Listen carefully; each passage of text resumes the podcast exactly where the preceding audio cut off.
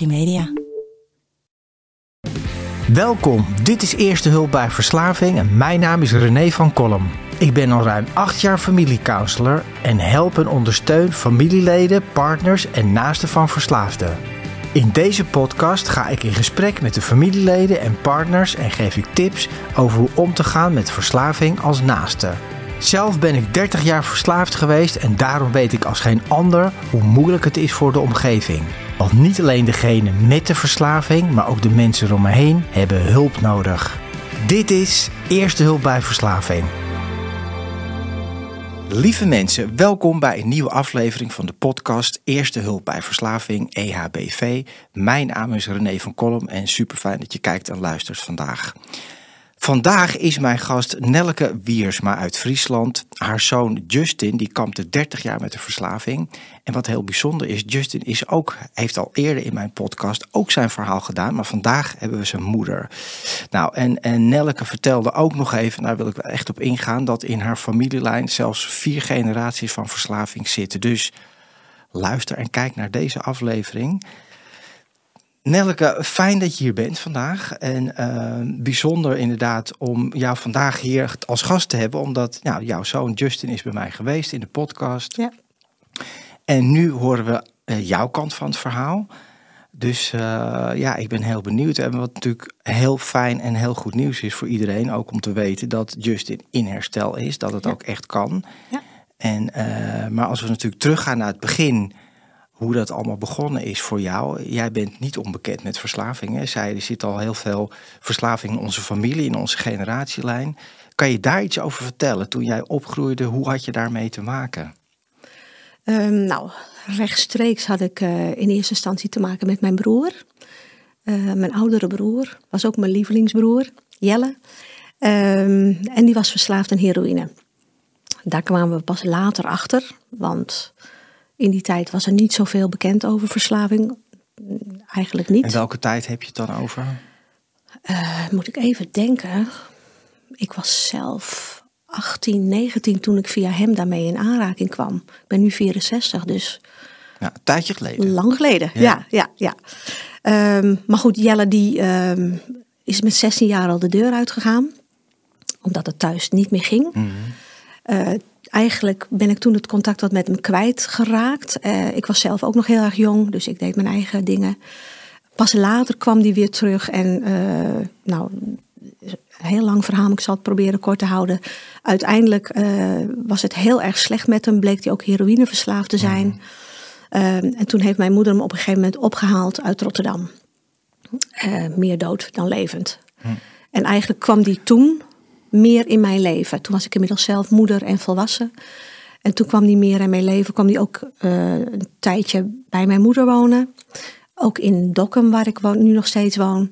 Dus toen kwam het heel dichtbij. En uh, ja, toen moesten we er wat mee. En uh, dat was heftig. Ja, ja dat ja. begrijp ik. Maar jij bent dus eigenlijk al heel lang bekend met het fenomeen verslaving. Ja. Hè? Wat dat, En, maar goed, ik kan me voorstellen, als je nog veel, uh, is je lievelingsbroer en je was nog veel jonger. Had jij een idee van waar, waar heb ik mee te maken? Waar gaat dit over? Nee, geen idee. Nee. Nee, nee. Ik zag wel het enorme gevecht van mijn moeder. En dat, dat was eigenlijk meer waar ik mee bezig was. Ja. Wat, wat, kan ik voor mijn moeder doen? Uh, ik weet wel, toen ik zwanger was van mijn vierde kind, mijn jongste dochter. Toen uh, woonde Jelle bij ons in de buurt. En uh, ik merkte wel in mijn zwangerschap van dat er iets stagneerde. Uh, ik voelde de baby niet goed meer. En ik wist toen met acht maanden zwangerschap uh, opeens heel duidelijk van... Jelle, je moet weg. Je moet, je, je, dat was eigenlijk de eerste, eerste keer dat ik de eerste grens die ik uh, stelde. Maar meer voor mijn zwangerschap. Ik voelde gewoon dat dat niet samen kon. En bedoel je dan de energie die, daar, ja. die jij meenam? Ja, de energie. En kan je daar iets over vertellen? Hè? Want je zegt ook het gevecht van je moeder. En we maken nu even een zijsprongetje van, van je zoon en je familieleden. Maar het gaat ja. natuurlijk over hetzelfde onderwerp. Ja, ja, zeker. Wat, wat merkt je bijvoorbeeld? Wat, wat, als je zegt het gevecht van je moeder, wat, wat houdt het dan in? Waar hebben we het over? Uh, nou, het constant toch uh, blijven redden. Tegen beter weten in. Ik moet erbij zeggen, het was in die tijd werden ook die boeken op de markt gebracht van Yvonne Keuls, hè, de moeder van David S. Ja. Onze generatie is ermee opgegroeid. Dus dat was echt wel de boodschap van eh, niet in huis halen, loslaten, afstand, afstand doen. En dat was alles wat mijn moeder niet kon. Ja, maar ja, dit wat jij zegt, ik lach erbij, maar het is helemaal niet grappig. Maar dit is het probleem, daarom lach ik van herkenning eh, van de mensen die met de verslaving. En je kan natuurlijk zo'n boek lezen, maar ja, ga het maar eens uitvoeren. Precies. Ja. Ja. Dus dat was het gevecht van je moeder eigenlijk. Absoluut. Ja, ze heeft hem ook echt in huis genomen. Ook tegen, eh, tegen het advies van sommige familieleden in. En ik stond daar een beetje tussen. Ik had wel een heel goed contact met Jelle. Dat ook een hele slimme, leuke, humorvolle jongeman. Ehm maar ja, we zagen hem toch afglijden. En, eh, ja, en je, je moet dan nog helemaal leren om eh, eh, dat niet helpen de beste hulp is. Ja, Maar het begon met dat ik zei van je moet nu weggaan. Ik moet nu voor mijn kind zorgen, Ja, letterlijk. En voor mezelf zorgen. En voor mezelf, Ja. ja. maar het was nog, nog niet mezelf. Het was mijn kind. Ja, ja, het ging nog niet over jou. het ging nog niet over mij. Nee. Maar goed, dus je bent er al heel lang mee bekend. Hè, met, eh, en nou, als we nou een klein eh, stapje maken naar... Nou goed, dan heb je je lievingsbroer en andere mensen nog in de familieleden. Want je zei vier generaties, die hoeven we niet allemaal te benoemen. Maar nou krijg je op een gegeven moment zelf een zoon, Justin. Ja. En wanneer begon je bij hem voor het eerst te merken... op wat voor een leeftijd dat je dacht van... nou, klopt dit wel wat hij doet? Of herken ik iets? ja, ik denk dat dat eh, toen hij een jaar of 15 was. Dat ik toen echt wel merkte van, eh, dat we de grip er wat, eh, wat op kwijt raakten. Ehm, dat hij dingen deed waar wij niet helemaal zeker wisten. Waar, waar is hij nu? Wat doet hij nu? En ehm, ja, eigenlijk innerlijk, innerlijk wist ik het. Ja. Wist ik van hij, eh, hij gebruikt. En Maar- bedoel je zeg maar de grip kwijtraken dat hij zich niet aan afspraken Ja. hield of dat soort dingen? Ja, dat, ja, ja, ja. ja. ja, en eh, af en toe eens eh, stelen, petjes stelen. Hij was dol op mooie petjes. Hij was dol sowieso op Nike, wat hij ook in zijn podcast wel vertelde. Mooie schoenen, eh, dat was wel een ijdeltuit. Ja. Was hij erg gevoelig voor merkdingen. Ehm, en eh, toen ben ik ook een keer gebeld door iemand dat hij gestolen had. En eh, nou goed, dat heb ik hem ook zelf wel op laten lossen. Van nou breng het maar weer terug en ga je excuses aanbieden. Nou, dat deed hij dan ook wel braaf. Maar het, ja, het werd steeds, steeds meer. En op een gegeven moment werden we gebeld, zat hij vast op het bureau. Ja. Oud. Maar ik, ik, als ik nu terugdenk, rela- relateer ik dat niet direct aan drugs. Maar er was ook iets ongrijpbaars waardoor ik ehm, geen grip had ook op die diefstal. Die, die, eh, Maar je merkte Die- dus eigenlijk aan zijn gedrag dat er iets aan de hand ja, was. ja, Nou ja, goed, maar dat is ook, eh, dat is ook een misverstand over wat verslaving is. Hè? Mensen denken verslaving, denken gelijk aan middelen of, of gokken of gamen of wat dan ook. Maar het is eigenlijk, verslaving is 70% en sommige mensen zeggen zelfs 80% gedrag en 20 of 30% dat middel of dat ding wat Ja. je dan doet. ja, Hè? Maar dat gedrag herkende je dus wel. Ja. Je zegt van ergens van binnen voelde ik al, er klopt iets niet. ja, ja. En wat ja. ben je daarmee gaan doen met dat gevoel, er klopt iets niet? Eh, nou, op een gegeven moment eh, ja, ben ik er toch met hem over gaan praten. Eh, ook naar aanleiding dat hij vast zat op het bureau. Ja. En nou ja, dan kom je, hij kwam bij HALT, hè, bureau HALT, wat je toen, die jeugdhulpverlening voor jonge, jonge boefjes. Dat bestaat volgens mij nog steeds. Ja, ja, ja, ik denk het wel. Ehm, dus dan, dan komen de gesprekken. En dat heb ik ook wel met hem gevoerd. Maar het was altijd niet waar. Totale ontkenning. Nee, ik gebruik geen drugs. En je, hoeft geen, je hoeft je geen zorgen te maken. Komt allemaal goed. En eh, ja, Ja, en, En- dat, hè, want dat vertellen natuurlijk alle mensen met de verslaving. Ja. Dat deed ik vroeger ook. Maar wat deed jij daar dan mee als, eh, nou ja, als moeder, als naaste? Dan hoor je, nou, eh, hoor je zo'n verhaal, het valt allemaal mee en het is niet zo. En maak je, geen, en maak je niet druk. En wat voel je dan van binnen? ehm, ja machteloosheid.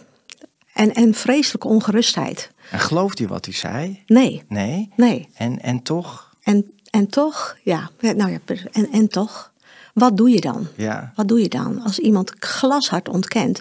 Want het is sowieso vreselijk om je, dat is, dat is een vreselijk gevoel om je kind niet te kunnen vertrouwen. Ja. Dat, dat, dat, ja, dat is niet wat je verwacht van het, van het moederschap. En eh, Maar dat was toen eigenlijk op die leeftijd dus al. Ja, Je ja, ja, ja. 15, 16 Ja. voelde je al het gevoel van vertrouwen. Dat was, al, was dat weg of dat was weinig? nee, het was niet weg. Nee, nee. Ik, eh, maar ik bungelde er wat tussen. Ja, ja. tussen het, maar ik drukte het ook weg. ja. Ik drukte het gewoon weg, want eh, ja, ik, ik wilde het eigenlijk ook helemaal niet natuurlijk. Nee, nou je wilde, je wilde er niet aan hè? Je wilde ik wilde niet niet aan. Nee, ik wilde Nee, er niet aan. Nou ja, dat, dat zeggen we ook natuurlijk. Dat proces van iemand met een verslaving, die wil er ook niet aan. Nee. Maar de familieleden wilden er ook niet aan hè, om Nee. het te zien voor wat het is. Nee. Nou ja, en ik had mijn broer, mijn broer in mijn achterhoofd, die eh, inmiddels aids had opgelopen door eh, heroïnegebruik. Ja, heftig. En ja, dan, dan, sla, dan komt ook de angst eh, om de hoek kijken van, oh god, het zal Ja. toch niet mijn kind ook eh, overkomen. En eh, ja, en dat, dat, dat, dat, ja, dat heb ik toch wel een beetje, een beetje weggedrukt in, Ja. in, ja, in het leven wat we toen ook hadden. Ja. Maar ja, aan de andere kant is het natuurlijk ook zo, en dat doet eigenlijk iedereen. Wat moet je er wel mee doen? Hè? Dat is natuurlijk altijd de vraag. Ja, ja. Nou, dat was ik op een gegeven moment, ehm, dat was wel de eerste eye-opener. eh, dat ik dacht van, oh jeetje, dit is niet gewoon maar een beetje blowen. Nee. Justin heeft op een gegeven moment een, een feest eh, georganiseerd. Wij hadden een, een, een bedrijf aan huis, waar wij cursussen organiseerden. Dat was een grote ruimte. En nou, Justin die mocht daar wel een feest geven. Vonden we leuk voor hem. Dat vertrouwen wilden we hem dan ook geven. Ja. En eh, ik zeg dat een beetje cynisch, maar dat, En hoe, hoe oud was hij toen ongeveer? 17. Oké, 17. Ja, 17. En dat was in, die, eh, in de house scene. Ja, ja. Justin was een gabber. Ja. Hè, met eh, strak, letterlijk strak in zijn trainingspak. Ja, dat, ja. Was, dat was het toch wel. Maar dat vond hij geweldig. En ik had zelf ook een beetje zoiets van, nou ja, weet je, het is een puber. Ja. Hij is aan het ontdekken. En nou, dat moet je moet, moet kunnen. Tuurlijk, Hè, je ja. moet jezelf kunnen ontdekken. En, maar wij wisten ook verder helemaal niks van die wereld. Dat was ook vrij nieuw. Dus hij eh, had een feest georganiseerd. En, ehm, en er kwamen overal vandaan jongeren. We hadden echt, het was een soort overspoeling van allemaal jongeren. En toen hadden we zoiets van, "Wa- wat gebeurt hier? Maar hij had van die flyers overal uitgedeeld. En die waren overal nergens terechtgekomen. Nou, dat is Dus- goed aangepakt. ja, ja. maar het overrompelde hem zelf volgens mij ook wel een beetje. Dat had hij niet verwacht. Maar ehm, nou dat, dus toen had ik wel zoiets, oh, om eventjes in de gaten houden wat hier allemaal gebeurt. En op een gegeven moment, en dat, ja, dat moment vergeet ik nooit meer. Dat heeft denk ik alles bij mij eh, in de juiste proporties eh, gebracht. Toen zag ik het. En toen stond er een, eh, een jongen voor een raam. En die stond gewoon voor het raam daar gewoon cocaïne te snuiven. En ik zag dat en en ik heb, ik heb mijn, des, mijn ex inmiddels, maar eh, de vader van Justin, geroepen. En zo van, ze zijn hier aan het cocaïne snuiven. Ik wist ook gelijk eh, wat het was. Ik had er verder helemaal geen ervaring mee. Maar ik wist gelijk foute boel. Ja. En toen is mijn, eh, mijn ex naar boven gegaan, de hele boel weggestuurd. En, eh, en, ja, en toen dacht ik van ja, maar als Justin vriendjes heeft die cocaïne snuiven, dan is er wat anders aan de hand. ja, en dat doet hij het misschien zelf ook wel. Ja, nog wel met een misschien, ja. ja misschien. Ja, ja, misschien. ja, Terwijl eigenlijk weet je Maar dat toen, ja, ik, wel. ja, ja. ja, het feit dat ik het, Ja, feit dat ik het nog zo goed weet, dat ik die jongen nog steeds, dat, dat nou toen, ja, dat zijn van die momenten dat je, er is geen ontkomen meer aan. nee. Hier toen- was dat aan de hand. Hebben jullie hem geconfronteerd met Ja. van... En wat zei ja, je toen? ja, ja, ja, ja, ja, ja, dat was iemand, ja, die deed dat dan misschien, maar hij deed het niet. Hij deed het natuurlijk Nee, niet. Ja, ja, nee, klassiek nee. antwoord. Ja. En dan ben je nog in de fase dat je denkt van, ja, dat, ja, dat kan. Ja, misschien iemand te gast gekomen die, Ja. eh, die, eh, waarvan die dat niet wist. Want er waren jongeren die hij helemaal niet kende. Dus, ehm, maar toen was het voor mezelf wel eh, duidelijk dat hij dus in, in die scene zat. Ja. Dat hij in ieder geval vriendjes had die dat gebruikten. Nou ja, wat ook ontzettend lastig is voor de mensen eromheen, dus de naasten, de, de ouders of de partners, is dat je toch een soort nou ja, politieagent wordt. Hè? Je gaat toch zitten opletten, kijken wat doet hij, hoe ziet hij eruit. Ik hoor mensen die gaan eh, zakken leegmaken, controleren, in kamers zoeken. Ja. Hoe, hoe ging dat bij jou?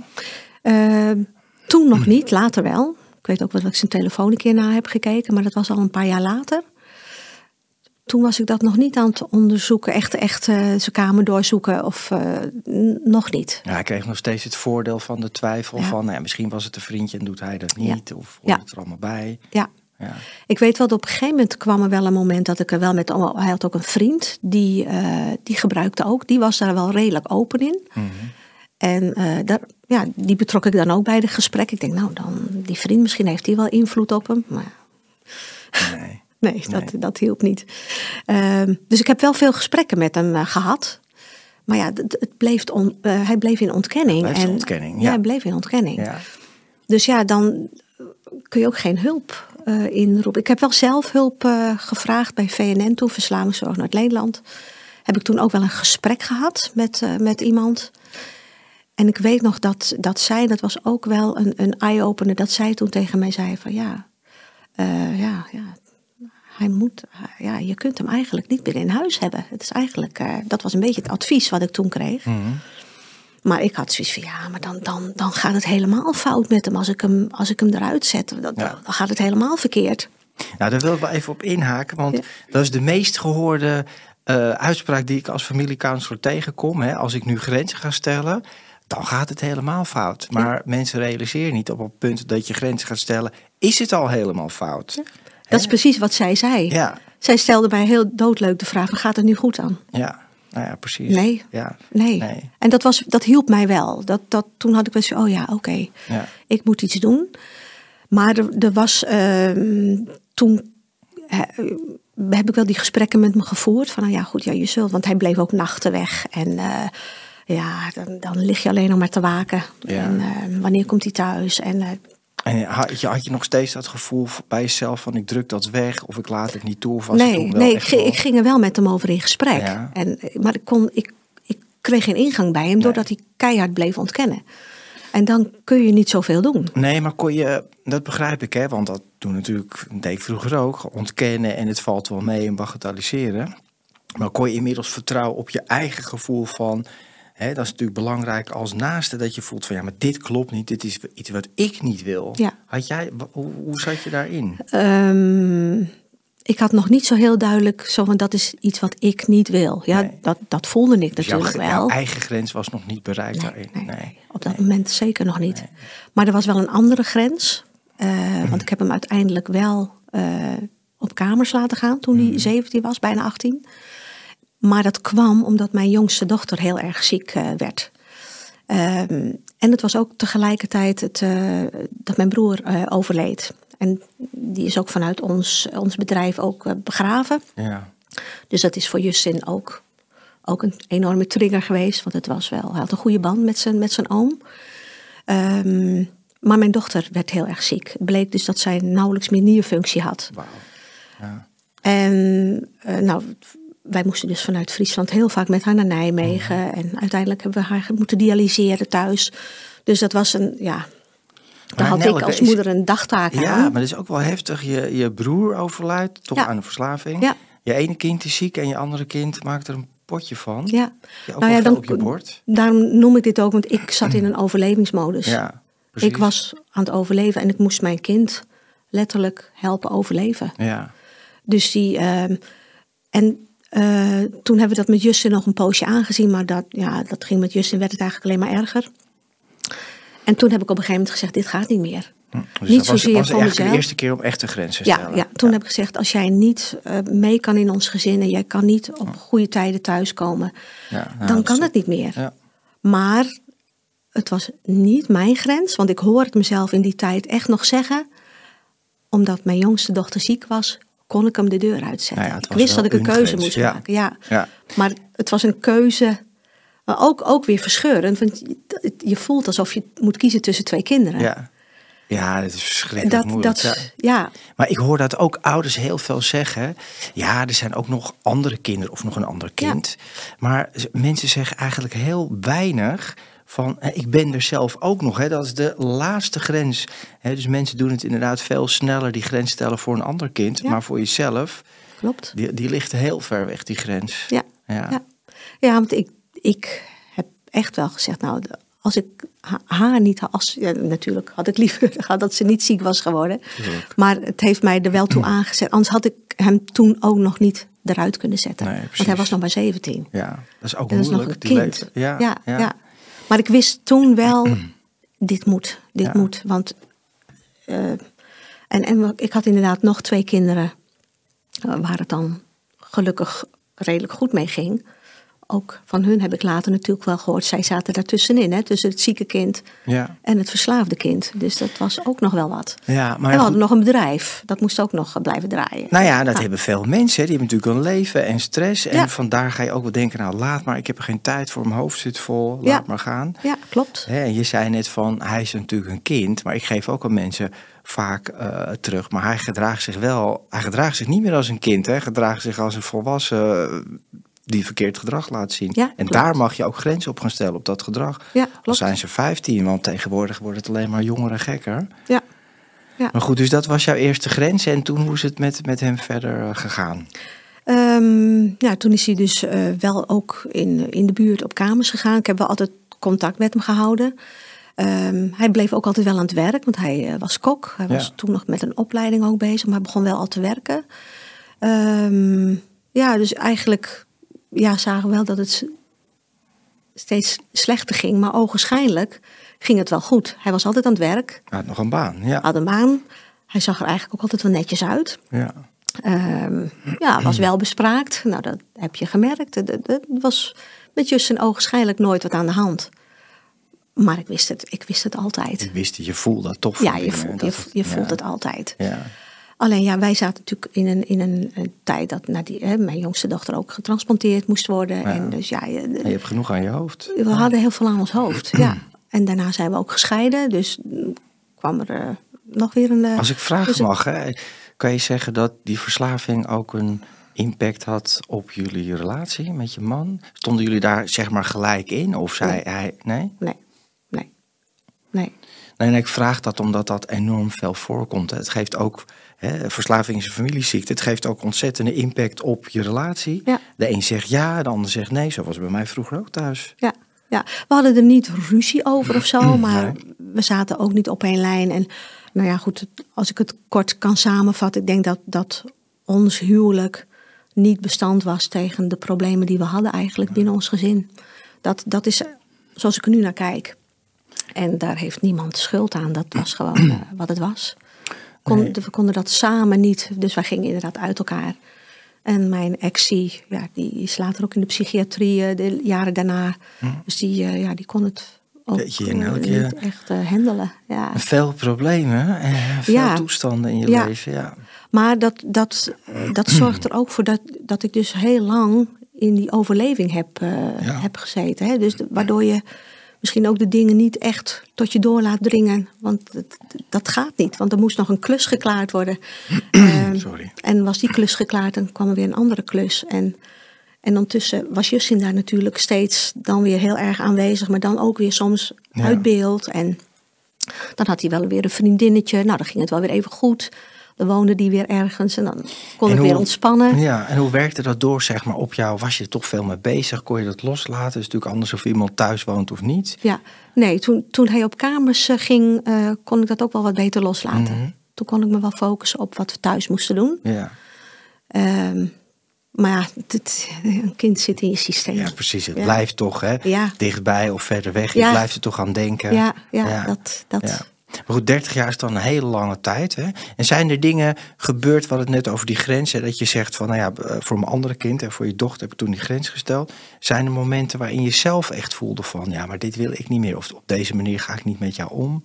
Waar is jouw echte eigen grens gekomen? Ehm, nou, dat is eigenlijk eh, waar we doen een sprongetje in de tijd. Ja, Een aantal jaren later was Justin begin 30. Nou, toen heeft hij heeft wel steeds gewerkt, maar we wisten wel steeds. eh, dan had hij weer een nieuwe baan, dat duurde weer Ja. drie maanden en dan was het weer ruzie of er was weer geld. En het was altijd de schuld van iemand anders. En op een gegeven moment Kent deden we daar ook een beetje zo van, nou, Ja. een beetje lacherig over. Nou, we zullen kijken hoe, die, hoe lang die deze keer weer volhoudt. Ja. Een beetje Ja, cynisch een beetje je cynisch, dan. ja. Ja, Ja. en dat is ook niet fijn, maar ja, Nee, dat maar is het ook is ook wel- bescherming, hè? Ja, maar het is ook een gevolg van iemands gedrag. Hè? Begreep je? Je, Je neemt het niet meer serieus op een gegeven moment. Dat is erg genoeg, maar dat, dat is dan wel zo. Ehm, maar goed, hij bleef wel steeds aan het werk. Ehm, eh, even kijken, zal ik even proberen die, die grens wat je vroeg. Ehm, nou, op een gegeven moment eh, wisten we wel dat het niet goed met hem ging. Ik wist op dat moment ook niet precies waar die was. Maar ik kreeg op een gegeven moment een mail van hem.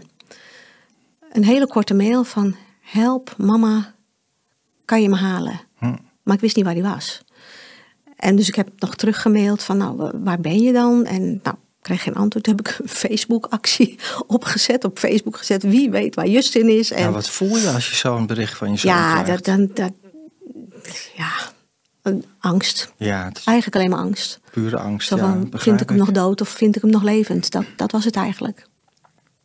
En toen heeft hij wel, ik weet niet of dat via iemand, dat weet ik niet meer Mhm. precies, maar of hij heeft zelf gemaild. Maar in ieder geval kregen we weer contact.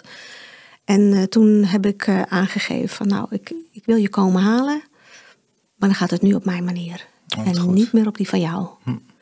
Nou, toen, ik werkte, eh, werkte toen nog in Leeuwarden en toen is hij naar mijn werk gekomen, heb ik hem meegenomen. En ik weet nog heel goed, we zaten nog geen vijf minuten in de auto. Ehm, en toen begon hij al van ja, nou ja, en eh, ja, maar... En, en ik weet nog dat ik toen wel heel duidelijk had van oké, als jij nu weer begint met het is de schuld van de hele wereld en Ja. alles en iedereen, dan stap je er nu uit. Dus volgens mij ben ik dan ook even stil gaan staan van oké, je kan er nu uit. Of we doen het op mijn manier en je houdt op met dit.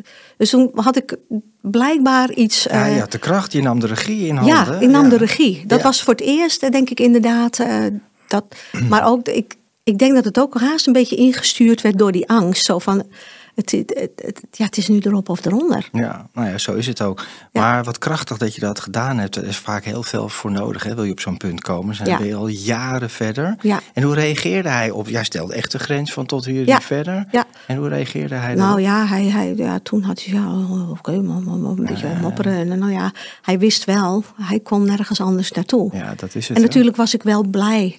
Ik was wel blij dat hij mijn hulp vroeg. Want daar moest ik. Ik was wel inderdaad toen al zo ver. dat Ik dacht van ja, ik moet wachten tot hij zelf hulp gaat zoeken. Ja. Dat is het enige wat ik nu kan doen. En dat deed hij gelukkig.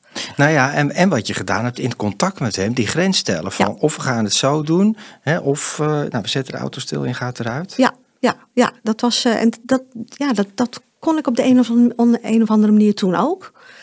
Maar goed, toen, toen was hij dus bij mij thuis en hij was nog behoorlijk eh, onder invloed natuurlijk. En toen kreeg ik wel een heel ziek kind thuis. Ja. Dat was echt vreselijk. En daar was geen hulp bij. En ehm, ja, ik heb heel veel, dat moet ik echt, echt ook noemen. Mijn andere zoon en mijn oudste dochter en mijn schoonzoon, die, eh, die hebben mij daar echt eh, heel erg mee geholpen toen. Gesteund, ja, mooi. Heel erg gesteund. We hebben toen echt, ja, ik heb het later ook nog wel genoemd, echt één front gevormd. Van iedereen wilde graag. Nou, nou is het erop of eronder. En hij wil nu, dan moeten we ook zorgen dat hij er komt.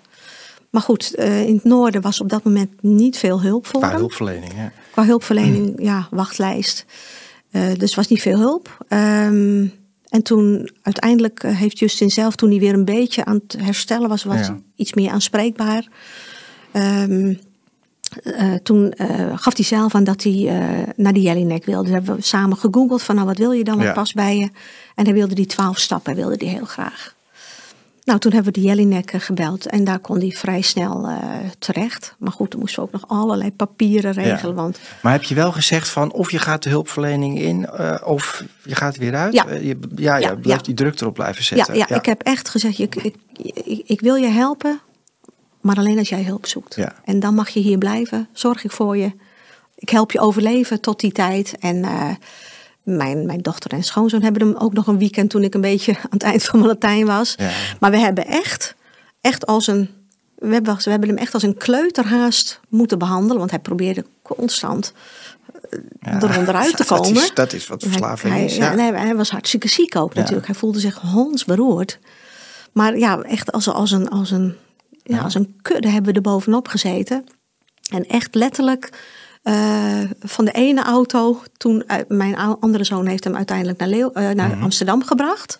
Want we hadden ook zoiets ja, gaat niet zelf. Ja, we, gaan, we gaan met je mee. Want Zet je bij de deur uit. af en duw hem naar binnen. Ja, ja, echt, ja, nou ja, echt. zo moet het ook. En van de ene helaas. auto in de andere. Wij hebben hem naar Leeuwarden gebracht. En van Leeuwarden ging hij met mijn andere zoon. En echt letterlijk van deur naar deur. En ja, dat, dat, maar dat was, was ook heel spannend. Maar ehm, het- tegelijkertijd vond ik het ook wel weer heel mooi dat we dat Ja. met ons systeem wel voor elkaar Nou, kregen. ik vind het ook wel mooi om toch even in te haken. Want ik zie ook weer beelden van mijn eigen eh, verhaal vormen.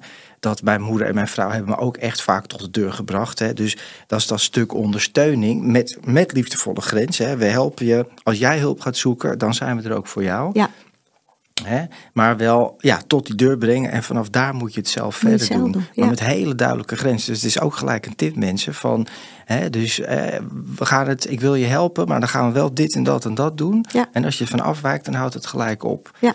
Dus dat, en dat werkt. Hè. Als je echt ook met, met een familie of een gezin op één lijn staat. Dit is het plan en jij gaat je aanpassen aan ons. Maar we gaan me niet meer aanpassen aan Nee, jou. nee. Ja, dat, en dat, dat kan in ieder geval beter. Dat werkt in ieder geval beter dan alles wat jullie ervoor Ja, hebben gedaan. ja dat, dat, dat, gelukkig is dat Ja. toen. Ja, en de regie zelf in handen nemen. Zolang je gaat eh, reactief gaat reageren op wat zij doen, dan ben je altijd te laat. Ja. Je staat gewoon met 10-0 achter. Ja, klopt. Klopt. Alleen dat, ja, dat, dat lukte toen met de steun die, die, er, Ja. die er was. En toen heb ik inderdaad nog een hele dag, toen heb ik een dag vrijgenomen van mijn werk. Want hij had ook nog een poosje bij het leger des Heils gezeten. En daar lag zijn paspoort. En Ja. in de gevangenis, daar lag nog een wat. zootje gewoon was het. Een ja, zootje. ja, zo gaat Want het. hij heeft inderdaad ook nog eh, eh, vastgezeten. Dat Hm, ja, ik weet nog, het. eh, ja, ja. Dus dat, nou, dat heb, heb ik nog overgeslagen. Maar dat is eigenlijk ook wel een, een aardige... Ja, maar hoe was dat? Was jij eh, vastgezeten en nou, hij heeft al wat dingen uitgesproken. Dat heeft hij verteld in de podcast, dus het is geen geheim. Ja. Criminaliteit en toestanden. Ja. Wist je daar iets van? Ja, ja. En wat, Nou, deed dat, wat deed dat met Toen jou? hij daarmee bezig was, wist ik dat niet. Ik kwam er alleen, eh, we zijn vlak voordat hij opgepakt werd, eh, zijn we nog bij hem op verjaardag eh, geweest. En dat, dat staat me ook nog heel erg bij. Dat, hij was er wel, maar hij was er niet. Hij was voortdurend aan het bellen. Ja. D- druk, druk, heen en weer aan het rennen. En eh, af en toe kregen we dan wel... En we woonden toen met, met een vriendin samen. Ehm, en, en ook toen dacht ik, ja, dit, dit, dit klopt Ja, niet. dit Wat- wat- wat- dit is hier, dit, dit is gek. Ja. Dit klopt. Maar ik kon er de vinger niet op leggen. Wat wist ik nou van drugshandel? Helemaal niks. Ja. Nou ja, maar dat is ook wel vaak het ding, hè? dat je dan eigenlijk iets in handen wil hebben. Maar het zou veel mooier zijn als mensen ook leren, ook zoals wat jij uiteindelijk bent gaan doen, dat je gaat vertrouwen op je eigen gevoel. Je weet dat het niet klopt. Hè, maar je wil een soort, tastbaar bewijs hebben van dat en dat is er gebeurd. En dan kan ik pas een grens stellen. Ja. Terwijl je ook mag vertrouwen op je eigen gevoel. Hè? Dat is ook Ja. een tip die ik wil meegeven. Je weet zeker als moeder of vader of partner, je weet gewoon, hé, dit is mijn kind niet meer. Nee, dit klopt niet. Mijn man, mijn vrouw, mijn kind doet dit of dat. En eh, er klopt geen moer van. Ja, klopt. Ja, leer daarop te vertrouwen ook. Ja, even Ja. om mee te geven. Ja. Ja. nee, maar dat is helemaal waar. Maar ja, alles wat ik zeg, alles wat we zeggen, eh, heel makkelijk gezegd, heel moeilijk te doen. Ja, dat blijft natuurlijk zo. Ah, weet je, en toen was het al wel wat, eh, nou, om het maar zo, een beetje schimmig, hè? Dat je denkt, wat, Ja. dat is het gebeurt hier? Ja. Nou ja, en toen een paar dagen later is hij inderdaad eh, met alle toeters en bellen eh, opgepakt. Ja. Ze hebben hem echt getraceerd, een pakketje. En ze hebben heftig. hem, ja. Ja. en toen, toen heeft hij mij gebeld, volgens mij, ik weet, ik weet niet meer precies of dat dezelfde dag, nou ja, dat hij opgepakt was. En nou ja, dus toen kwam hij eh, vast te zitten. Hm. En dit is nog even voordat hij echt hulp ging Ja, zoeken. hè? ja. Ja, dit verhaal. Nou ja, toen eh, vast te zitten en hulp gezocht. Is hij toen in herstel, hè? herstel van zijn verslaving gekomen? Nee, toen nog niet. Nee. Toen eh, heeft hij Na de wel kliniek bedoel ik, heb ik het nu over. Naar Ja, die- oh ja, naar de Ja, kliniek. Ja, ja. toen is hij in, eh, in herstel gekomen. Ja, en eh, dat is ook vrij lang zo geweest. Ja, en hoe, hoe was dat? Want ik zeg altijd, mensen vragen dan, ja, maar hoe weet ik nou of het goed gaat? Nou, zoals je weet dat het niet goed gaat, zo moet je ook voelen als naaste dat het wel goed gaat. Want ze, zij of haar gedrag gaat veranderen. Ja, Hoe, ja. hoe merkte jij dat? Hij woont natuurlijk niet meer thuis, denk ik. Dus, Nee, nee. Nee, maar wat merkte je aan hem? Ehm, eh, ja, dat, dat hij, eh, hij- werd weer mijn zoon. Nou ja, dat, precies. Ja, hij werd weer mijn zoon. Ja. We kregen weer de, de, de oude grapjes. Eh Justin en ik hebben, dat is wel heel, een speciale humor. Ja. Het gaat haast altijd over seks, vreemd genoeg. Foute seksgrapjes. Dat heb ik, ja. Je seksgrapjes met je moeder, oké, awkward. Nou ja. Maar ja, als, als, hij, Ja. als hij dit hoort, dan weet hij precies wat ik bedoel. Ja. Dus dat, en dat kwam weer terug. Dat je Ja. elkaar maar aan hoeft te kijken en dan... Ja. eh, hè, dus dat... dat Ja, mooi, dus maar goed. Contact kwam gewoon Precies. weer. En het plezier. Ja. En dat, dat het fijn was als hij er was. Ja. En niet van, oh god, Justin komt weer. Nou, Ja. wat zullen we nou weer krijgen? Onrust, Hè, Of ja. onrust. En eh, hij kreeg ook een hele, hele leuke relatie. Een eh, hele, hele lieve vriendin. Ja. Ging ook heel goed. En dus ja, toen, toen was het weer, konden we weer bij elkaar zijn zonder eh, rampen die er Ja. voortdurend dan Wat waren. mooi, hè? En was dat vertrouwen bij jou, bij jou al snel terug of kostte dat toch? Nee, nee, dat was niet tijd, zo hè? snel terug. Nee, nee, nee. Dat bleef nog wel een poosje. Ja. Ja, dat, dat, dat je een beetje hinkt eh, op van, eh, eh, ja, ik moet, ik moet niet meer zo naïef zijn dat ik er direct weer intrap. Ja. Uh, maar je wilt ook zo graag dat vertrouwen weer teruggeven. Ja. Dat heb ik hem ook wel met, met een aantal dingen daadwerkelijk. Had, had enorme schulden gemaakt, bijvoorbeeld. En toen hij in herstel was, toen heeft hij dat ook keurig met, met een bewindvoerder allemaal in kaart gebracht. Ja. En, en ik had toen net mijn huis verkocht. En ik had toen aangegeven, nou weet je, zo'n bewindvoerder moet je ook betalen. Als ik nou die schuld voor jou, schuld voor jou aflos, dan betaal jij mij terug. Ja. Heeft hij ook tot op de, nou misschien de laatste twee keer niet gedaan. Maar, Zo goed maar, als. Nou ja, maar, goed. maar ik, ik merkte, dat klinkt dan nu een beetje zo van nou, uh, nobel of zo. Maar ik merkte dat ik dat zelf ook nodig had om, om te voelen dat ik hem dat vertrouwen ook weer kon geven. Ja. Ik, wil, ik wilde dat ook heel graag. Ja, ja. Het is wel verstandig om daar tijd voor te nemen, inderdaad. Want ja. dat weet ik, vertrouwen, dat kost gewoon echt tijd. Hè? En vertrouwen is niet terug in een maand en ook niet na, twee maanden of drie maanden. Bij Nee. mij heeft dat, voor, voordat mijn omgeving echt geloofde dat wat ik zei, dat, dat, ook, dat ik dat ook deed en dat het waar was, heeft gewoon anderhalf jaar geduurd. Ja, ja. ja, ik denk dat wij toen ook wel. Toen was hij al. Uh, hij was anderhalf jaar bij de Jellinek ook in de Safehouse nog geweest. Dus toen waren we denk ik wel twee jaar verder. Ja, maar ja, Ja. goed, zoveel, zoveel, Maar dan- tijd kost dat. Maar nog, eh, ik, ik deed dat wel, maar het was eh, misschien ook meer als, eh, als, als soort bewijs dat ik dat zelf nodig had van ik, ik kan hem weer vertrouwen. Ja, wat bedoel je, dat je hem geld leende of de dingen voor hem oploste? Ja. Betaalde? Ja. Ja, En Dat nou hij ja, dan terug ging betalen. Hij, ja, ja, Ja. ja. Nou ja, kijk, ik zeg altijd, mensen vragen ook aan mij. Ja, maar ik, nou heeft iemand een behandeling gehad. Hè? en Ik werk in een kliniek als familiecounselor. Een aantal dagen in de week. Nou, dan zeggen ze, ja, dan hebben ze dat gedaan. Maar dan moet ik hem toch het vertrouwen geven. Nou, dan zeg ik, nou, geef maar de ruimte om het vertrouwen Te terug winnen. te krijgen. Maar Ja. gelijk vertrouwen, ge- vertrouwen moet je toch winnen. En je kan natuurlijk al heel veel zeggen en een behandeling is mooi. Maar daarna moet je het gaan doen. Dus Ja. geef ze vooral die ruimte, laat maar zien. ja. Ja.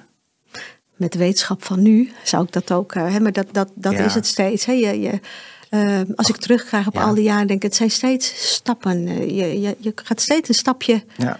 verder. En, en ehm, wat, ik, wat ik ook steeds merk, je, je, je, doet elke stap met, met de mogelijkheden en de kennis en de, Met- wat je op dat moment hebt. En, en het was voor mij ook iets, ja, natuurlijk ook, ook die liefde die je voor je kind voelt. Van nou, weet je, hè, Ja. het is zo knap van je dat je dit zo ver hebt gedaan. Ja. Nou ja, Ja, maar je, je zegt alles wa- wat het precies is. Weet Ja. je, het is ook zo ingewikkeld als je van iemand houdt. Want het hebben partners ook, hè. Van je houdt van je vrouw of je man. Om dan te scheiden. Ja, welk stukje klopt er wel, welk stukje niet. Je wil iemand graag geloven. Is gewoon heel, heel lastig. Maar ja, goed, daar maken we ook deze podcast. Ja. En er is nog eens een keer heel weinig hulp voor de familieleden. Ja. Daarom zijn we ook bezig met, met deze podcast en andere zaken. Omdat zoals jij zegt, ja, ik vind het uit terwijl ik het doe. Achteraf ben je aan het leren, maar dan ben je dus ook weer steeds te laat. ja, klopt. Ja. Klopt. Ja, je, jij noemde het er straks ook al eh, bij ons voorgesprekje. Ja. En dat heb ik ook heel vaak gezegd. Je staat 10-0 achter. Ja, je staat 10 achter Ja, als naast. eh, en- ja, dat en- is zo. En, en je- in dit geval, met je kind is in herstel. Die krijgt alle hulp, alle therapie. Ja. Maar je hobbelt er maar wat achteraan. En verslaafden kunnen praten als, Als de beste. hè. Mijn vrouw zegt al dat de verslaafde kan ijs en Eskimo verkopen. Nou ja, zo is het ook. En andere dingen. Ja. ja, en manipuleren. Manipuleren, Liegen, ja. draaien. Ja. Maar dat is ook echt wat verslaving is. Hè? Dat die, nou, ik wijs nu naar een kopje thee. Maar de drank of de drugs of de gok of het game of wat het dan ook is. Dat is uiteindelijk het middel om niet te voelen en weg te zijn. Maar dat hele rookgordijn van gedrag, dat is waar jullie tegenaan lopen. Ja, Nou, toen ging het een hele tijd goed met hem. Maar Ja. ja. ah, tot het niet meer goed ging. Tot het niet meer goed ging. Ja, Ja. ja. eh, En hoe is dat dan? Hè? Want er zijn jaren van herstel geweest voor hem. Ja, ja. Ja, dat, en ik dacht, want dat was echt zijn eerste opname ook Ja. echt geweest hè, in de Jellinek. Dat hij echt ook zelf die hulp wilde. En ik was toen, ja, naïef of niet, ja. Ik dacht, nou, nou, nou, nou, nou is het goed. Nou zijn we er. Nou zijn we er. Ja. Hè? Dat is eh, wel in je achterhoofd van, nou ja, goed, het zal nog wel eens moeilijk zijn. En Ja. ik merkte ook af en toe wel, eh, als hij dan bepaald gedrag liet zien, eh, onrustig, dat, dat ik Ja, dacht, van, oh, nou, ik weet niet hoor. Ja, wat gebeurde eh, als hij onrustig werd? Weet jij ook onrustig? ja, ja. ja. en dan kwam toch wel gelijk dat gevoel van, oh jee, het zal toch niet weer. Eh, en, dat, en dat duw je dan weer eventjes weg, want je wilt het niet. En, en nou ja, Justin ontkende dat dan ook weer. Van nee, is niks aan de hand. Ik heb het wel een paar keer tegen hem gezegd, want dat had ik wel geleerd. Ja. Uh, ik moet wel mijn zorg blijven uitspreken. Als het, uh, ik, ik, moet, ja, ik moet open. Ja, ja, ik moet mijn zorg Zeg wat je voelt. Ja. ja, zeg wat je voelt. Ook, ook al is het geen leuke boodschap. Nee, juist als het geen leuke boodschap Precies. is. Ja. Ja, ja. Maar dat is ook lastig. Maar dat, dat deed ik wel. Ja. Maar dat wimpelde Justin altijd weg. Nee, nee. En dan werd hij boos ook. Ja. Oh, je vertrouwt me niet. En oh ja, dat... ja. Ja, dat willen wij niet en horen als moeder had dat ja. splijten voortdurend uh, in tweeën. Door, dat, door dat, dat vreselijk, die vreselijke strijd van je wilt hem wel vertrouwen, maar het kan niet. Ja. Je vertrouwt hem gewoon niet. Nee. Nou ja, goed. En ook is- als daar jaren overheen gaan, het moment dat je voelt van, oh, maar dit is weer gedrag wat ik herken. Hè. Jij hebt nogal wat meegemaakt, je broer en andere mensen. En, Ja. en dan wordt gelijk ook jouw knop ingedrukt. Ja. Ja, Ja. zo gaat dat. Ja. Nou, op een gegeven moment kwam hij zelf, eh, hè, na, eh, eh, was er iets gebeurd in zijn relatie. Ja. Ehm, en toen kwam hij zelf, eh, en ik, denk dat zijn vriendin daar ook druk op had gezegd dat hij erover moest praten. Ja. En toen kwam hij er zelf mee van, oh mam, zus en zo, er was, ik weet niet meer precies, hij had iets meegemaakt wat hij moeilijk vond. En hij zei, ja, voor ik het wist, zat ik weer met mijn vingers in mijn neus. Zo, zo vertelde hij het. Mm.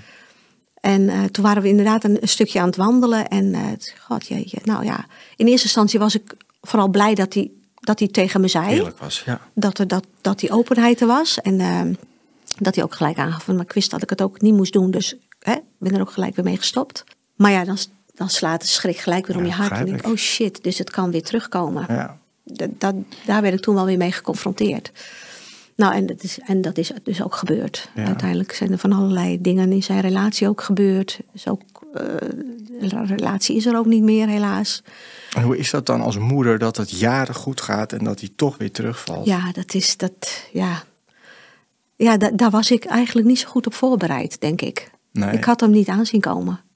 Ik zag het wel geleidelijk aankomen, dat het steeds weer slechter ging. En ik hoorde ook wel wat van de vriendin van hem, die ook wel met me erover sprak. En ik heb ook wel gesprekken met haar erover gehad. Eh, en ja, dan kwamen er weer geldproblemen. Ja. En ja, en daar begint het dan weer mee. Ja, maar, maar zo is het ook. Hè? Dat, is, eh, dat woord verslaving wordt waanzinnig onderschat, maar herstel van een verslaving nog veel Ja. meer. Want mensen denken gewoon. Ik dacht ook, nou, als ik een jaartje clean ben, dan pff, ik heb het er nooit meer over en alles eh, in kannen en kruiken. Maar dat is het niet. Maar eh, het is niet zo. Hè? Het Nee. blijft een proces waar je in gezond moet blijven, geestelijk gezond, je levensstijl, je hele leven eigenlijk. Want ik zeg altijd, ja, het gaat niet vanzelf goed, maar het gaat wel vanzelf fout. Ja. En het begint ergens met je gedrag en je gevoel en het wordt wat minder en ik zit niet zo lekker in mijn vel en ik doe er minder aan, ik ga niet praten, ik ga niet meer naar de sportschool, nou, noem het. En langzaam zakt dat weg tot het punt komt dat je denkt, nou ja, fuck it en ik neem gewoon wat en ja, zo ja, gaat het. Ja, zo ging het.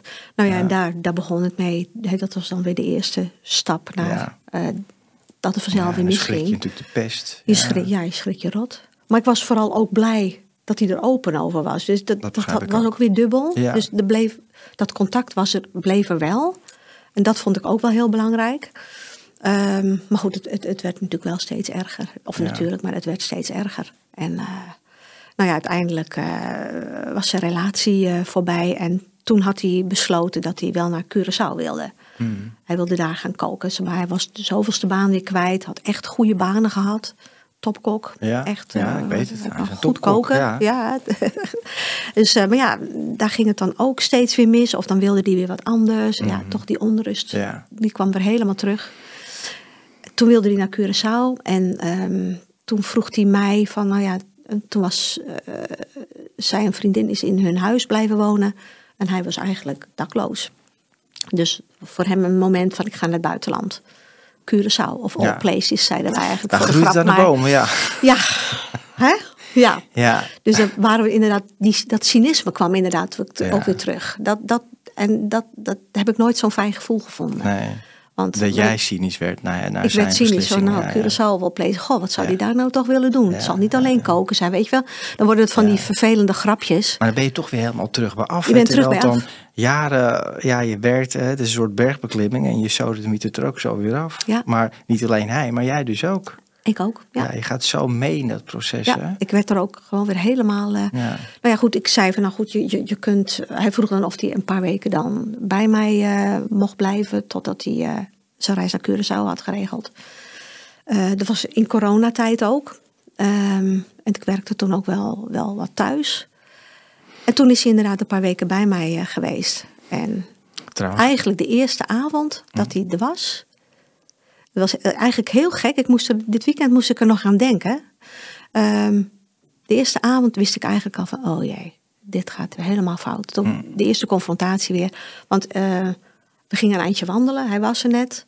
En ik, ik voelde me opeens helemaal niet lekker. Ik, want Jij niet. ik voelde me opeens helemaal niet lekker. Een soort van misselijk of... of eh, en achteraf denk ik, ik, ik, volgens mij kreeg ik gewoon een soort van lichamelijke reactie, reactie van, oh god, er gebeurt dit. De, de, Ja. ik, zit er, ik zit er weer in. Ja. Dus mijn lichaam protesteerde waarschijnlijk. Dus toen zijn we naar huis gegaan. En toen dacht ik, nou, ik ga maar even liggen. Ik ga even op de bank. En eh, ik ken dit niet. Ik weet niet wat ik, wat ik heb. En, eh, en toen, Jussen was wel eventjes zo van, nou, een beetje een soort van ongerust. Oh, nou ja, nou ja, ga maar lekker liggen. En hij verdween. Ja. Hij ging weg. ja, je voelt het gewoon toch. Je weet toch als En toen, en toen is, dacht ja. ik, dit is, dit is, dit Ja. is. Ja, dus ik denk dat ik mijn lichaam eh, direct al aangaf van, dit, is, Ja. dit is niet goed. Ehm, nou, toen, nou, uiteindelijk is hij nog wel even gebleven. Ehm, hebben we ook wel, hele, hele, eh, ook wel heel veel gesprekken gehad. Ik vond ook eigenlijk ook wel een soort van fijn dat, hij, dat we even samen waren thuis. Ja, begrijp ik. En dat er meer openheid was. En, ook. en we hebben Ja. veel gesprekken Ja. gevoerd. Heel open ook. In, het was ook nog een periode dat er nog wat met zijn vader eh, gebeurde die in Mhm. het ziekenhuis kwam. Dus gelukkig konden we daar ook over praten. Maar ja, uiteindelijk eh, Ja. ging het toch weer. Hij is wel naar Curaçao gegaan, uiteindelijk. Daar heb ik hem ook behoorlijk in gefaciliteerd. Hm, toch weer wel. Tuurlijk. Ja, Ja, het zijn blijft telefoon zo was. moeilijk. Hè? Ja. Ja, maar ik, ik, ik Maar weet waar- wel. waarom doe je dat dan? Terwijl je eigenlijk weet van, nou ja, is Ja. dat nou een goed idee? En Curaçao? Nou, ik, wilde, ik wilde hem naar Curaçao hebben, want ik zei letterlijk, nou, dan zit er in ieder geval een oceaan tussen. Dat is ook heftig, hè? Dat je gewoon... Ik begrijp het, hè? Want ik kom het elke dag tegen in mijn werk. Maar het is toch ook wel heftig. Ja. Dat je eigenlijk gewoon afstand, rust... Ja, Ja. ja. en, en ik wist op dat moment, eh, na al die jaren wel, ik kan hem niet redden. Nee, Het- dat wist ik wel. Ja, Dus ik was denk ik wel al bezig van, nou ja, dan, dan maar naar Curaçao, maar dan, pff, dan Ja. is hij in ieder geval uit mijn... Hè? Maar ja, Ja. dat is nog niet voldoende natuurlijk, Nee. want daarmee ben je nog niet klaar. nee. Hey, en nu als we een klein stukje gaan naar het hier en nu. Uiteindelijk is hij in herstel gekomen, gelukkig. Ja. En ehm, nu al een paar jaar. Ik ken hem ook. En hij is, eh, hij is een topkok. Hij heeft een mooi boek geschreven. Het gaat Ja. goed met hem. Ja. Hoe, hoe is dat, nou ja, voor jou dan? U heeft dat nog een keer opgezocht. Hè? Eh, eh, vaak is het zo dat, mm, zoals bij mij, bij heel veel mensen lukt het. Er zijn meer mensen waar het niet lukt in één keer dan wel. Dus het is ook niet zo gek dat, eh, dat hij is teruggevallen. En, en, eh, maar goed, nu zit hij er wel goed in. Hoe is dat voor jou? Hoe zit jij daarin? Wat heb jij nou, ja, geleerd klinkt weer zo, hè, maar meegenomen uit het hele proces? Je zei net al, ik kan hem niet redden. Nou, dat staat voor mij altijd de nummer één als naaste. Ja. Hij gaat het niet oplossen. Nee. Hij of zij moet oplossen. Nee. Maar zijn er andere dingen die jij zegt van, nou, dat heb ik echt, dat is voor mij mijn les? Ja, nou, ik denk dat mijn allerbelangrijkste les. Want ik, ik zal even kort. Ik heb Jussen dus uiteindelijk wel de deur uitgezet. Ja. Toen. Hij begon van mij te stelen. dat was mijn grens. Ja, oké. En ik weet ook dat ik het onbewust erop aan heb laten komen, omdat ik dat nodig had om hem de deur uit. Ik had, ik had gewoon een soort van bewijs nodig. Ja. Van. Dus nou, oké. eh, toen is hij weggegaan. Heb je echt niet. gezegd, je gaat de deur uit? Je moet echt de deur uit nu. Ja. Het was op een zaterdagavond. Ja. Je hebt gestolen. Hij ontkende nog. En eh, toen heb ik echt je licht. eh, ik heb bewijs in handen. Daarna werd ik nog door de bank gebeld dat hij ook mijn eh, creditcard had leeggeplunderd. Nog hoopte ik dat iemand dat op Curaçao misschien had gedaan. Ja. Je blijft jezelf toch een stukje voor de Oh, gek houden. het Dat zei ik het ook, dat, je ook nog een bewijs nodig hebt. Terwijl je al jaren hebt van je weet echt hoe ja, het is. het is, en- het is, het ja. is, maar het, het is zo, zo het ongelooflijk zo. moeilijk om je kind de deur uit te zetten. Dat is zo tegennatuurlijk voor een moeder. Ja, dat is het. dat, is, dat is eigenlijk gewoon niet te doen. Ja. Maar het is wel te doen. Als je je grens, eh, ja, dat was, mijn, dat was dus blijkbaar mijn grens, die heel erg opgerekt was, maar dat was de ultieme grens. Ehm, toen heeft hij ook een half jaar geen contact met mij, werd helemaal eh, geblokt op de telefoon. En dat was verschrikkelijk. Want toen moest ik afkicken. ja. Ik moest, eh, ik moest ik moest aan de slag met mezelf. Ik kwam in een burn-out. Ehm, en eigenlijk was dat voor mij ook een, een, een, Ja, bij mij begon toen het herstel. Ik moest Justin loslaten. Maar nu echt. Helemaal. Helemaal, ja. En zodanig zelfs dat hij ook geen contact met mij wilde. Hoe En heb dat je dat gedaan? vreselijk. Ben je dat zelf gaan doen? Heb je daar zelf hulp voor gezocht? Ik heb eh, alleen een, een, af en toe een, een gesprekje gehad met de praktijkondersteuner. Psychologen, eh, alle ellenlange wachtlijsten, eh, verslavingszorg. Ja. waren geen gesprekken. Nee, was geen hulp. Er was gewoon geen hulp. Er was echt gewoon geen hulp. Dus die praktijkondersteuner, maar goed, dat was dan een uurtje in de maand. Mhm. Ja, dus ik moest het zelf doen. Ja. Maar ja, dat is precies wat je zegt. Hè. Zij moeten afkicken, maar jij moet afkicken van, van, Van hem. Van hem, van het zorgen, de, de, de nachtrust, de stress, het daarmee bezig zijn constant. Ja, ja, Hè, ik, ik zeg wel eens, het is net zo'n... Zij gaan in een achtbaan, hè, die verslaving is een soort achtbaan. En het gaat op en het gaat wat beter en het gaat weer slechter. En nou ja, zo. Maar jij zit in het karretje ernaast als naast ja, dan. ja, ja, je wordt gewoon meegenomen. En op een gegeven moment moet je daar gaan uitstappen. Maar ja, dat is moeilijk. Ja, dus ik ben, eh, ben in die tijd, eigenlijk kon ik alleen maar wandelen in die burn-out. Ja. Eh, dat ben ik eerst gaan doen. Nou, dat, dat is goed. Letterlijk fysiek eh, bezig blijven naar buiten. Ik ben wat, wat, wat meer gaan lezen. En uiteindelijk ben ik me heel erg gaan verdiepen in systeem, systeemtherapieën. Ja. Wat boeken over gelezen. En daar werden wel veel meer dingen duidelijk. Ehm, maar ik heb één keer een podcast geluisterd. En ik weet niet meer in welke context. Maar dat was voor mij echt zoiets van, oh ja, dat is het. Zei iemand van, die had eh, dingen meegemaakt. eh, en eh, die zei, ehm, ik moet nooit meer in het moeras van die ander terechtkomen. Mooi. En toen was het bij mij, tok, tok, tok, tok, tok, tok. ja, dat heb je dat nodig, was hem. die inzicht. Ja. Dat was hem, ja, echt Ja. zo'n... En, en Ja. ik vond het ook zo beeldend, dat, dat, dat was precies wat ik voelde. ja. Je wordt ergens in meegezogen. Zogen, maar je, absoluut. komt, je, je, Ja. je, je, je kunt spartelen wat je wil, maar je komt haast niet meer boven. Nee, het is drijfzand. Het is drijfzand. ja, ja, ja. Dus je moet zorgen dat je er niet in komt. Nou ja, dat is dus, daar begonnen we al een, eh, een aantal minuten geleden mee. Dat zei ik ook van, wanneer ga je nou vertrapt dat eigen gevoel? Wat is goed voor mij? Het is altijd gaat het over, wat heeft hij of zij nodig? Je probeert altijd maar meebewegen. Terwijl Precies. herstel voor de naast is eigenlijk, nee, hoe is het voor mij? Waar ligt mijn grens? Wat heb ik nodig? Hoe kan ik de dag doorkomen? Precies. En uit dat, maar ja, het is allemaal makkelijk gezegd, uit dat drijfzand blijven. Maar ja, je moet er eerst in terechtkomen, wil je überhaupt weten dat je erin zat? Ja, Ja. precies. Maar goed, dat, dat is wel, denk ik, mijn keer. Net als dat voor Justin, die heeft Ja. in zijn podcast ook gezegd dat hij op een gegeven moment bovenop de flat stond in Amsterdam. Van spring ik of spring ik niet. En voor mij was dat keerpunt Ja. die burn-out. Ja. En eh, dat je dus leert van ja, de- en nu moet ik voor mezelf gaan zorgen. Ja, tot hier en En- niet verder. En Justin gaf mij ook dat duwtje door geen contact met mij op te nemen. Dus ik moest wel. Ik, ik, Ja, dan kom je alleen maar aan jezelf toe. Ja. ik- ja, ik moest. Ja. Dus wandelen is voor jou. Nou, Wandelen. je praat ook, hè, want je zit nu in een eh, cliëntenraad eh, Ja. als naaste. Ja. Ah, heel goed werk. En, en, ehm, dus jij, jij bent er nog steeds mee bezig. Ja, zeker. Ja. Ja. En help je dan ook andere mensen om daarover te praten? Eh, Nu nog niet, denk ik. Dat, dat, maar dat wil ik wel gaan doen. gaat er wel Dat is- aankomen. gaat ja. er wel aankomen, ja. ja. Want ik hoorde je even zeggen, ook in het voorgesprekje, want jij zit in Noord-Nederland, Friesland, nou ja, Groningen en, en die omgeving. Daar is helaas nog niet zoveel voor de naaste. Maar ehm, eh, dat wil ik ook meegeven als mensen als tips. Er, is een organisatie die heet Moedige Moeders. Ga er naartoe, zoek lotgenoten op. En ik hoorde net van jou in, in Noord-Nederland is dat er nog weinig, maar je kan altijd een meeting beginnen, dat gaan opzetten. Ja. Dat is een tip voor mij aan jou, Ja, ja. om dat te gaan doen. Want dat helpt mensen, weet je eh, herkenning zoeken bij mensen die dit ook kennen. Dat het begint met verhalen delen, inzichten krijgen. Net zoals mensen met de verslaving dat doen bij de AA of de NA. Er is een stichting die heet NAR-Anon. We zullen de beschrijving allemaal in de link zetten van de podcast. Die kan je bezoeken als naaste.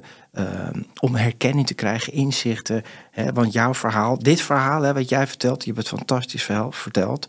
Maar dat hoor ik gigantisch veel. Ik hoor het elke week, Ja. weet je wel. En ik vind het heel moedig en knap hoe ver je gekomen bent. Je zit hartstikke goed bij. Dank je. Wandelen helpt jou. Ja, wandelen. En nu, hè, want je hebt al heel veel meegemaakt om af te sluiten. Wat, hoe blijf jij zeg maar uit het, eh, nou, uit het moeras waar je niet meer in terug wil? Hoe doe je dat? Ja, ehm, ja, goed voor mezelf zorgen. Ja. Dat, dat is eigenlijk, het is heel cliché misschien, Ja, maar het is zo. het is zo. Het is zo, ja. Ja. En ehm, wat, ik- wat ik ook, want ik heb Justin nu 2,5 jaar niet gezien. Ehm, nou, ik had me dat vroeger nooit voor kunnen stellen, want ehm, eh, nou, eh, laat ik, laat ik het zo zeggen, ik heb, ik heb zelf altijd het gevoel gehad met dat moeder zijn. Een vriendin zei een keertje van, ja, er staat in die enorme neonletters, ik ben moeder. moeder. Ja. Enorme koeienletters. En daar moest ik aan voldoen. Ook van voorbeeld van mijn moeder. Ja. Dus je, ook dat gen- transgenerationele, het zit allemaal in je, in je systeem. Ja. Ehm, en nu denk ik van, eh, ik ben een goede moeder. Op de manier waarop ik het kon en Ja. kan, is goed genoeg. Eh, ik zal heus fouten hebben gemaakt, die maken we allemaal. Maar ik zie het niet meer als fouten. Ja. Ik zie het alleen maar als de momenten dat je de keuzes hebt gehad in je omstandigheden waarop je dingen deed zoals je deed. Als je het anders had gekund, had je het anders gedaan. Precies, zo is het ook. Maar dat, dat kon je niet. Nou, Dus- dat, is, dat vind ik heel mooi om ook mee af te sluiten. Eh, dat is ook zo. Je bent ouder, je bent partner of je bent kind zelfs van verslaafde ouders. Maar, maar je bent geen hulpverlening, je bent geen kliniek, je bent geen instelling, je bent ook geen 112. Nee. Het is ook niet jouw taak, maar het is ook niet binnen jouw mogelijkheden. En eh, eigenlijk is, dat zeg ik altijd tegen mensen, mensen zeggen ja... Als je dan moeder bent, dat is natuurlijk dat, dat is ook gigantisch iets moois als moeder, die onvoorwaardelijke liefde die er is. Maar als je met verslaving eh, te, te maken hebt, moet je echt eh grenzen gaan stellen. En liefdevolle grenzen, maar hele duidelijke grenzen. En goed voor jezelf zorgen. Ja. Dat is ook ouderschap. Nee zeggen, grenzen stellen tegen het ongezonde, verslaafde gedrag Ja. van, van degene waar je van houdt. Ja. Nou, Nelke, ik wil je bedanken. Je hebt, je hebt echt, ja, je hebt alles verteld eigenlijk wat het inhoudt om als naaste van een verslaafde te zijn. En dankjewel voor het delen van je verhaal. Het maakt het ook wel compleet. We hebben de zoon gehad, we hebben nu de moeder. En eh, nogmaals, dankjewel voor het komen uit Heel. Friesland.